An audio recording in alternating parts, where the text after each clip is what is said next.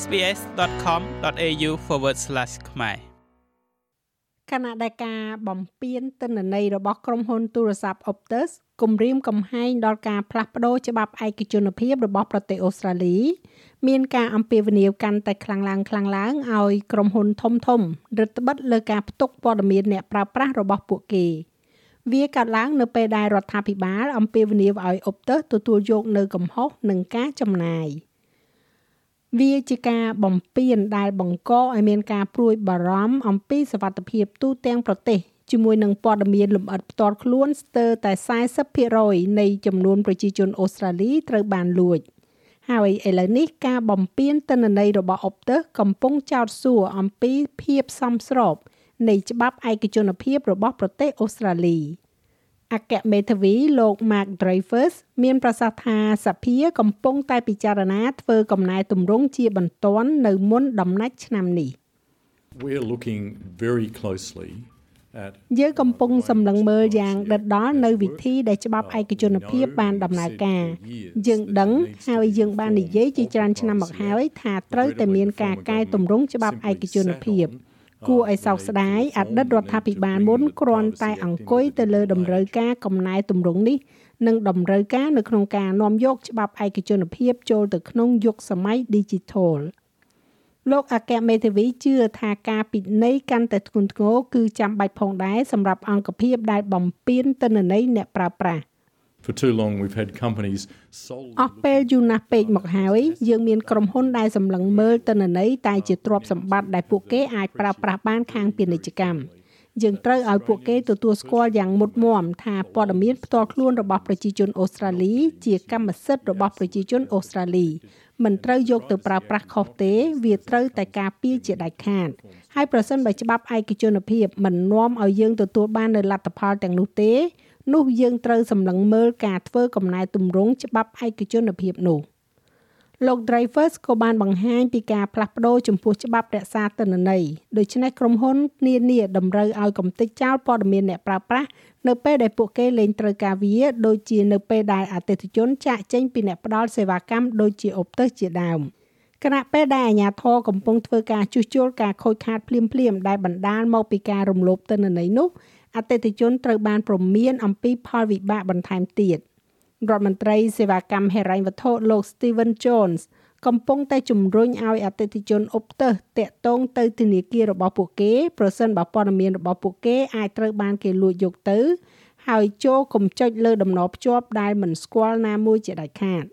There'll be a long tail of impact វានឹងមានផលប៉ះពាល់ដ៏វែងឆ្ងាយនៃការបំពេញទិន្នន័យនេះយើងដឹងថាអ្នកបោកប្រាស់យើងដឹងថា scammers មានវារួចហើយមិនថាតែពួកគេមានតនន័យអុបទើសឬអត់ទេពួកគេកំពុងព្យាយាមក្លែងបន្លំជាអុបទើសប៉ុនប៉ងក្លែងខ្លួនជាអ្នកផ្ដល់អាជ្ញាប័ណ្ណពួកគេកំពុងព្យាយាមក្លែងបន្លំជារដ្ឋាភិបាលនិងភ្នាក់ងាររដ្ឋាភិបាលដូច្នេះសារដល់អ្នកប្រើប្រាស់គឺត្រូវប្រុងប្រយ័ត្ន ខណៈពេលដែលរដ្ឋាភិបាលកំពុងបន្តធ្វើការជាមួយនឹងធនាគារនិងនិយត្តករនានាលោក Steven Jones មានប្រសាសន៍ថាក្រុមហ៊ុន Optus ចាំបាច់ត្រូវទទួលខុសត្រូវលើការចំណាយនិងការស្ដីបន្ទោស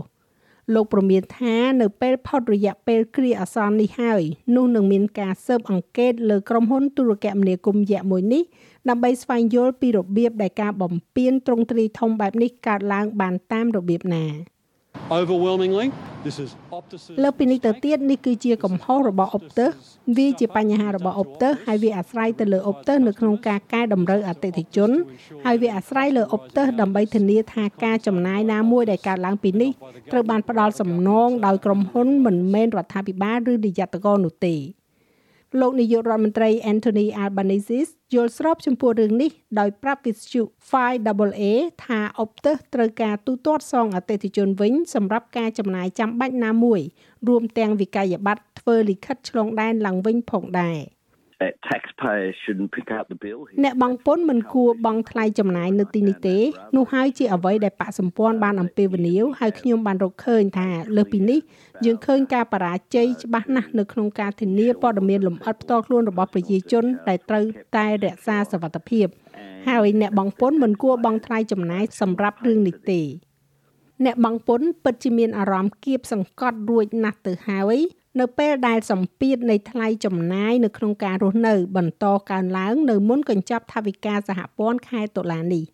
លោកនាយករដ្ឋមន្ត្រីទទួលស្គាល់ថាជាមួយនឹងបំណុលជាតិចំនួន1 trillion ដុល្លារដែលបន្សល់ទុកពីរដ្ឋាភិបាលលោក Morrison រួមជាមួយនឹងការកើនឡើងនៃអតិផរណា និងអត្រាការប្រាក់សម្ពាធលើក្រុមគ្រួសារអូស្ត្រាលីនឹងមិនធូរស្រាលភ្លាមៗនោះទេ Uh, the former government អតីតរដ្ឋាភិបាលមិនមានផែនការសេដ្ឋកិច្ចឆ្ពោះទៅមុខសម្រាប់អូស្ត្រាលីទេ យើងមានរដ្ឋាភិបាលរបស់ខ្ញុំធ្វើដើម្បីដកសម្ពាធពីក្រុមគ្រួសារនានាតាមរយៈ Child Care ដែលមានតម្លៃថោកជាងមុនថ្នាំពេទ្យដែលមានតម្លៃថោកច្បាប់នោះបានអនុម័តសភាតំណាងរាស្ត្រក្នុងសប្តាហ៍នេះហើយដោយទទួលយកទម្រង់នៃធម្មពលថ្មីដែលថោកបំផុត ដែលអាចកកើតឡើងវិញបាន និងធ្វើឲ្យប្រកាស ថាវាអាចជំរុញធម្មពលឲ្យចុះថោកជាងមុនមិនត្រឹមតែសម្រាប់ក្រុមគ្រួសារប៉ុណ្ណោះទេប៉ុន្តែសម្រាប់អ្នកផលិតផងដែរចាស់ហើយរបាយការណ៍នេះចងក្រងឡើងដោយ Brook Yang សម្រាប់ SBS News និងប្រែសម្រួលសម្រាប់ការផ្សាយរបស់ SBS ខ្មែរដោយនាងខ្ញុំហៃសុផារ៉ានី